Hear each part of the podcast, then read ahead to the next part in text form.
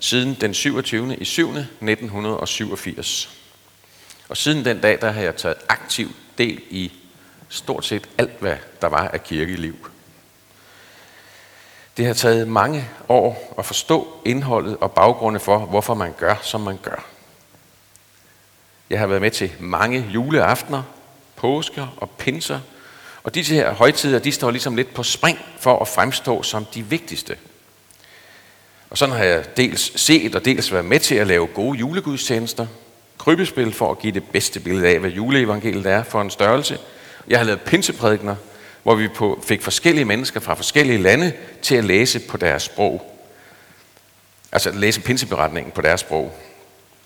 Alt sammen for at give den bedste forståelse af, hvad der skete der, da apostlene talte i tunger. Altså i, ny, i andre tungemål. Og på samme måde forsøger vi at skabe eller genskabe skal torsdagsmåltidet, som var på Jesu tid, så, så læser vi tekster og bryder brød og, drik, og drikker et par glas god vin. Ligesom vi langfredag, hvor vi var sammen ude i Nebel Kirketomt. Her havde vi tekstlæsninger og sange, der underbygger begivenhederne omkring Jesu korsfæstelse. Og i samme række kan man sige, der er påskedag med opstandelsen. Vi pynter op og hilser på hinanden med den oldkirkelige hilsen. Alt sammen godt. Alt sammen godt. Og der kan selvfølgelig være lidt forskellige holdninger, hvad der taler mest til os, kan man sige, af de her højtidsting. Over tid så har jeg også fået mere forståelse af, altså mere faktuel viden af, hvorfor tingene er, som de er. Og hvorfor vi gør, som vi gør, og hvad, og hvad de forskellige ord de betyder. Og jeg er jo for, at vi fordyber os i ting og lærer mere. Man kan blive optaget af så mange ting, men for eksempel her omkring påske, så kan man jo temmelig sikkert i forskellige aviser læse om Torino-ligeklædet. Altså det der ligeklæde, som man har fundet, og hvor det er som om Kristus ligesom, at, da han opstod, trukket igennem det, eller opstod igennem det, der er et aftryk af ham. Dødspændende. Ja, og mange de skriver jo gode prædikener rundt omkring, altså om det der helt særlige, helt særlige opstandelse. Så det er jo for, at vi skal undersøge mere. Det er spændende læsning, det er også lidt, nogle gange lidt nørdet. og særligt omkring påske, der er det jo hammerne vigtigt med opstandelsen. Det er det, vi fejrer. Og det vigtige er, at Jesus han mødte sine disciple, og at han kan møde os i dag. Og det skulle gerne være vigtigt hver dag for os, at han kan møde os i dag. Og den opstandende Kristus er den absolute årsag til, at vi mødes som kristne. Verden over så samles menigheder om ham. Ikke bare påskeliv, men alt menighedsliv, kirkeligt fællesskab, aktiviteter, udspringer af dette ene han er opstanden.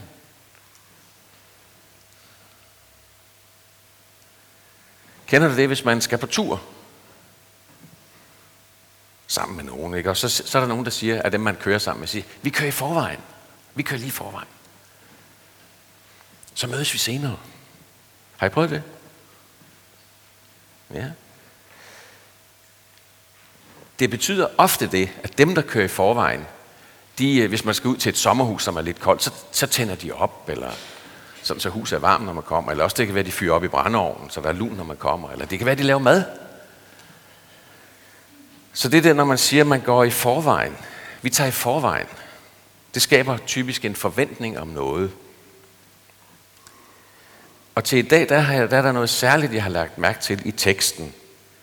Fordi englen siger til kvinderne, og skynd jer hen og sig til hans disciple, at han er opstået. Og se, han går i forvejen for jer til Galilea. Han går i forvejen. For Jesu disciple betød det, at Jesus gik i forvejen, at han kunne møde dem, da de kom derhen. De skulle ikke lede efter ham. Altså enten så var han der allerede, da de kom, eller også så åbenbarede sig han sig for dem, når de var samlet. Og i alle fire evangelier, der kan man læse om, hvordan Jesus enten var der allerede, da disciplene, altså på et bestemt sted, han var der allerede, da de kom. I Johannes evangeliet kan vi læse om, at de, var, om de tager ud og fisker. Og så er han inde på stranden og laver mad til dem. Han har forberedt bål og et måltid. Fisk og brød, det har de, de har gode erfaringer med det der måltid. Fisk og brød, det vidste de godt, hvad var. Det var noget helt særligt.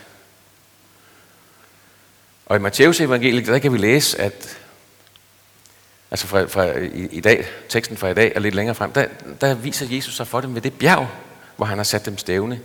Og her fik de også missionsbefalingen, som ender med ordene, se jer med jer alle dage ind til verdens ende.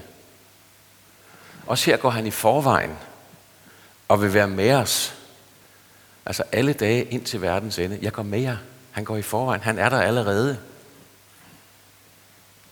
Og han vil være der, når mennesker rækker ud efter ham.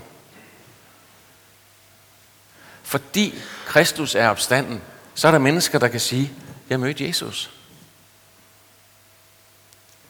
Nu startede jeg med at sige, at jeg har været kristen siden den 27. i 7. 1987, så det, det var virkelig sådan en, lige der.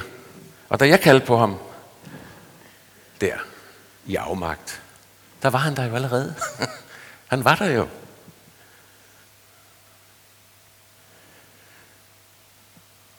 Ja, måske er det det vigtige det her, sådan en påske, at han er der allerede. Han går i forvejen for os. Og måske er det også vigtigt at være med til at, at vide det, at vi på en eller anden måde kan være med til det møde der mellem mennesker og Gud. En bevidsthed om i hverdagen, at han er der allerede. Mennesker, som vi kender, som søger ham eller spørger efter, kan vide, om Gud er der? Jamen, han er der allerede. Jeg har været på Ungdom med Opgaves Bibelskole, og deres øh, motto det er missionsbefalingen. Og her tager man afsted ud i verden og fortæller om sin tro. Og det er jo sådan meget målrettet, kan man sige. Så gør man noget helt særligt, og så er man sådan meget sortbælte i mission, så er man helt derude, og så fortæller man om det. Det er jo ikke alle, der kan det. Og måske så er hverdagsmissionen mindst lige så god, fordi det er jo, den er jo lige så stærk og lige så stærkt båret af, at han er der allerede. Han er der i forvejen. Jeg går i forvejen. Det kan hjælpe os med at forstå, at Jesus er optaget af at møde mennesker. Han dukker op, når der kaldes. Påske og opstandelse, det er ultimativt, at Kristus kommer til os. Kristus kommer til os. Det er ham, der finder os. Det er ham, der opsøger og finder os. Det er ham, der tager imod den fortabte søn. Det er ham, der belærer den ældste søn. Det er ham, der er hyrden, der har de 100 får, tæller dem op, der der mangler en, og så går han ud og leder efter det fortabte får. Det er ham, der gør det. Det er ham, der siger til sine disciple, kom og spis. Det er ham, der siger, se min side og mine hænder. Det er ham, der siger, se din konge kommer til dig, sagt modig ydmyg på et æselsrygs, altså på, på ryggen af et æsel. Det er ham, der trøster os i dag og møder os i længsler, smerter og glæder og siger, søg først Guds rige, så skal alt give sig tilgift. For mange år siden, da min mor en nat hjemme i køkkenet ikke kunne sove, fordi hun havde smerter i kroppen, så, sidder, så siger hun sådan ud i luften, åh, hvad skal der blive af mig, hvordan skal det gå? Så hørte hun en stemme der, bare rolig, jeg er hos dig. Og hun kigger rundt ikke også, og tænker, at Anker, hendes mand, var stået op for at trøste hende, men det var ikke ham. Hun var inde og kigge i soveværelset, han lå og sov derinde, trygt og godt. Og efterfølgende så fortalte min mor, at jamen det var jo, det gav hende jo tryghed. Og måske vidsthed om, at hendes liv var i hans hånd.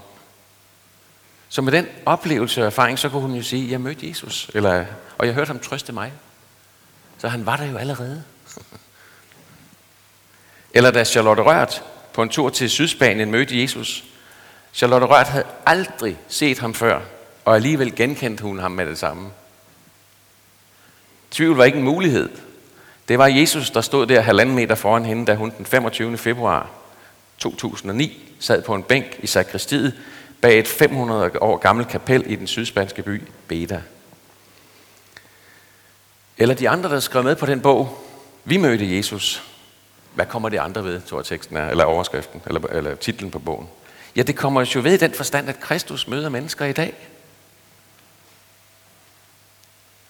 Eller da min far, der var på hospice i Odder, to uger inden han døde, så var han i sådan en dyb søvn, og vi troede simpelthen ikke, han ville øh, komme tilbage, eller at han ville vågne igen.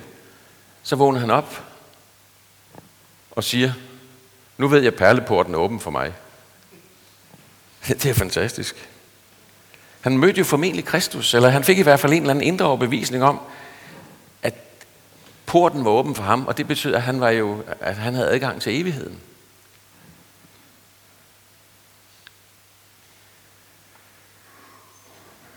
Eller da jeg selv, der for mange år siden, uden overhovedet at kende betydningen af forhænget i templet.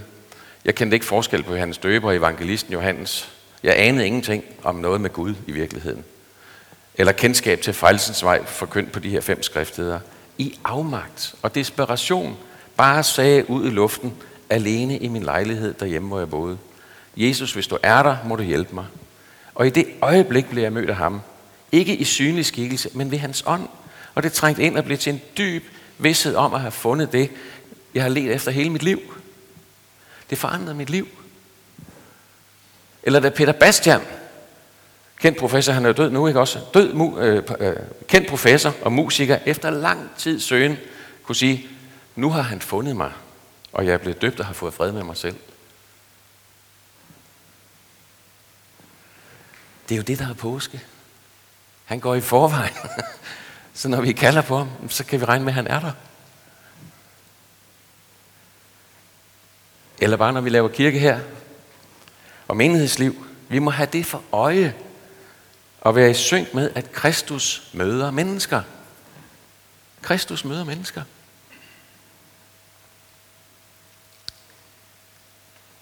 Opstandelsen er ikke afgrænset til det her kirkerummet, hvor vi kommer og vi har taget pænt tøj på. Eller det, det er jo også vigtigt, men det er ikke det vigtigste.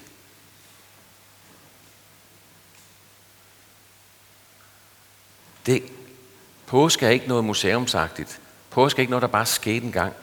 Påske og opstandelse er også i dag. Ja, jeg har skrevet, det vigtige må aldrig blive overskygget af rammerne eller pænheden. Og det tænker det skal man simpelthen huske at holde fast i. At det handler om, at Kristus møder mennesker, og han går i forvejen.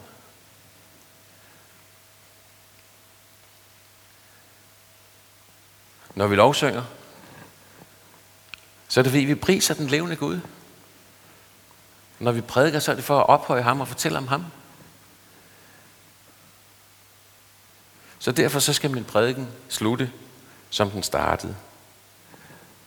Med en hilsen til hinanden. Kristus er opstanden. Ja. Og det er de gode nyheder, venner. Kristus er opstanden. Ja, han er sandelig opstanden. Han kan forandre vores liv. Han giver os det levende vand. Han sørger for os. Han kender til vores svagheder og har omsorg for os alligevel. Han møder os, og han finder os. Han er opstanden. Amen. Og nu vil jeg bede jer